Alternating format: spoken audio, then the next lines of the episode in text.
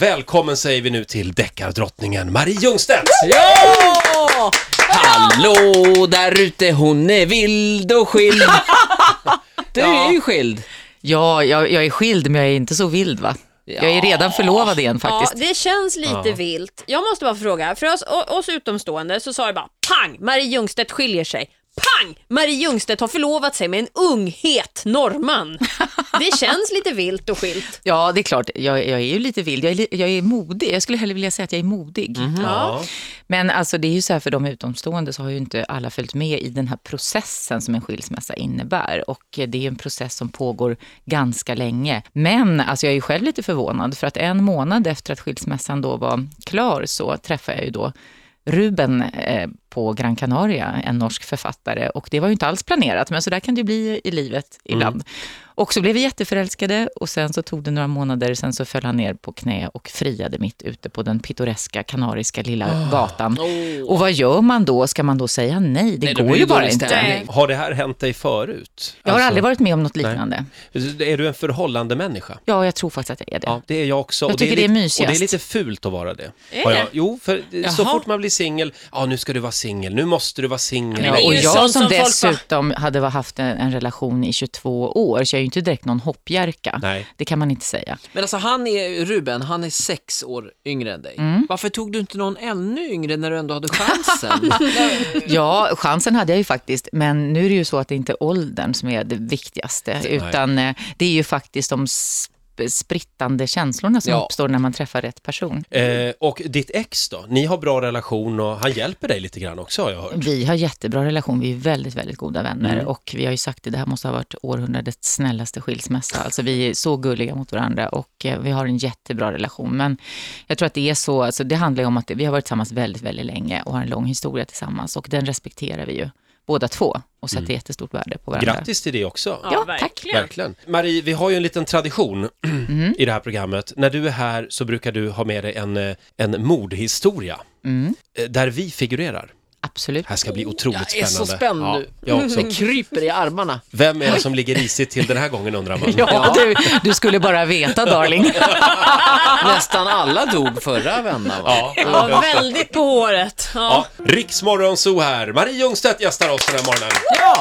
Vår nyhetsredaktör Fredrik Birging vet mer om Marie. Utan förvarning kastade hon sig huvudstupa ut ur nyhetsstudion som om det inte fanns någon morgondag. Jag måste skriva! skrek Marie Ljungstedt i motvinden samtidigt som hon raskt, ja nästan frenetiskt, stavgångade hem till sin Stockholmslägenhet. På SVT och Sveriges Radio där hon varit aktad programledare och medarbetare på såväl Ekot, Rapport som det lokala nyhetsprogrammet ABC skakade många på huvudet. Svenska kvinnliga deckarförfattare var ju knappast en bristvara. Varför trodde Marie att just hon skulle lyckas? Marie kände avundsjukans vassa pilar i nacken men var fast besluten att lyckas. Marie skrev och skrev trots att hon ibland blev så rädd för sina egna mordhistorier att hon inte kunde titta på texten. Nu, tio år senare, står Marie Ljungstedt rak i ryggen, nyss fyllda 50, nyförlovad och med den elfte deckaren om Anders Knutas och Johan Berg på bokdiskarna. Marie ler nöjt, självsäkert och underfundigt. Det blir nog en tolfte bok också. Har han inte lite potential, Fredrik Birging? Fantastiskt, jag är så imponerad.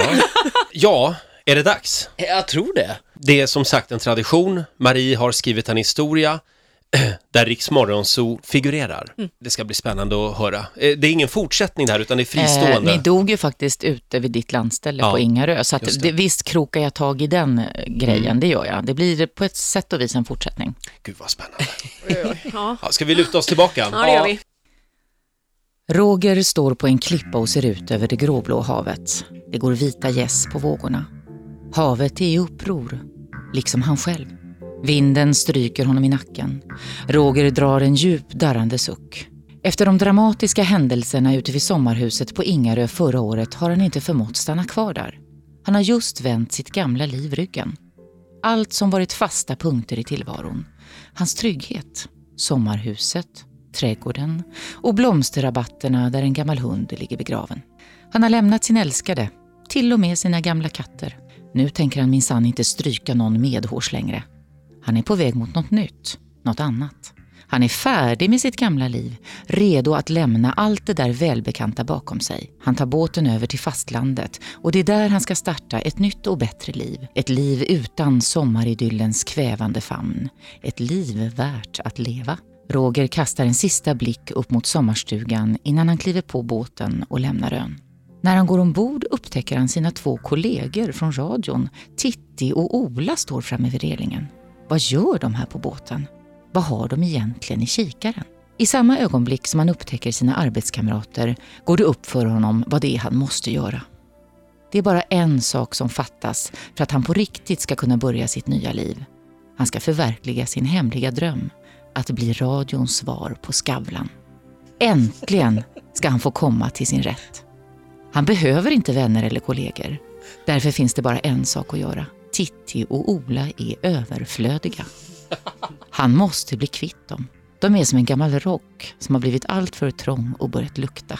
Snabbt ser han sig om. De står där ute på däck. Ingen annan människa finns i närheten. Han gräver i fickorna och hittar en gammal rörmokartong. Han lyfter den över huvudet och smyger sig fram mot kollegorna. Långsamt närmar han sig dem. Rörmokartongen väger tungt i hans hand. Han håller andan. Nu är han bara några steg från friheten, från sitt nya liv, där han står ensam i studion. Bara han, bara hans röst ska ljuda ut över etern. Plötsligt knakar det till. Vem i hela världen har lämnat?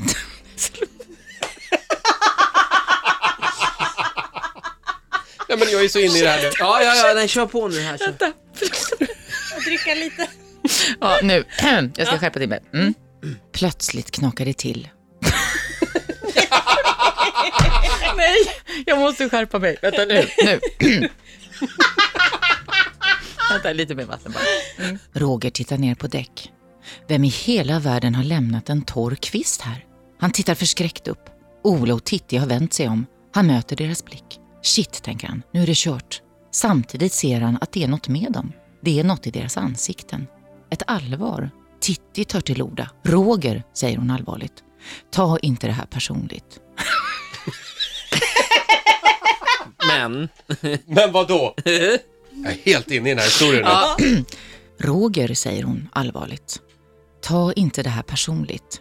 Det är inte emot dig, egentligen. Han sänker armen, blir stående, stirrar oförstående på sina kollegor. Det här kanske är svårt för dig att förstå, säger Ola med en bekymrad rynka mellan ögonen. Men att bli pappa är dyrt. Du skulle bara veta hur mycket det kostar. Det är inte som att ha två katter, vet du. Vi är helt enkelt en för många i radiostudion. Roger står handfallen. Ta det inte personligt, säger Titti igen och greppar tag i hans armar. Skitsamma, säger Ola och tar tag i fötterna. Roger känner att han lyfter. Upp från däck, upp i luften, vinddraget mot ansiktet. Himlen är blå, tänker han förundrat. En mås flyger förbi. Det skummande vattnet kommer emot honom. Det är vått, det är kallt. När hans kropp klyver ytan och sjunker ner i bråddjupet. Det var ju inte så här det skulle bli. Han lyckas ta sig upp till ytan, drar ett djupt andetag. Han ser båten försvinna mot horisonten. Där står Ola och Titti och vinkar. Vi har trots allt haft många fina stunder, tänker han. Och lyfter armen och vinkar tillbaka. Ja. Du anar inte hur mitt, mitt i prick du är här. ja, du är väldigt nära sanningen. Det var helt fantastiskt att du skulle slå ihjäl oss med en rörmokartong. Ola blev ju förbannad på riktigt. Jag tycker det är enormt korkat att ta båten från Ingarö. Det är ju bättre att ta bilen. Det, det är ju närmare. Men det här har jag misstänkt länge, att du går och smider någon form av Ja, planer. men vänta nu. Vilka var det som, vem var det som försökte ha ihjäl vem här? Eller hur? Och varför var de på båten? Precis. De Vi hade ju en måste- plan naturligtvis. Har ni ett förhållande vid sidan av? Jag och Ola. Ja, ja Marie, tack snälla. Vilken, Ja, vilken tusen gripande tack. historia. Ja. Lova att komma tillbaka snart Marie, med en ny eh, spännande historia. Absolut, den här traditionen ska vi väl inte bryta? Det Nej, nej, nej, Och så absolut ska vi inte. läsa Maries eh, deckare i hängmattan i sommar. Det ska vi göra.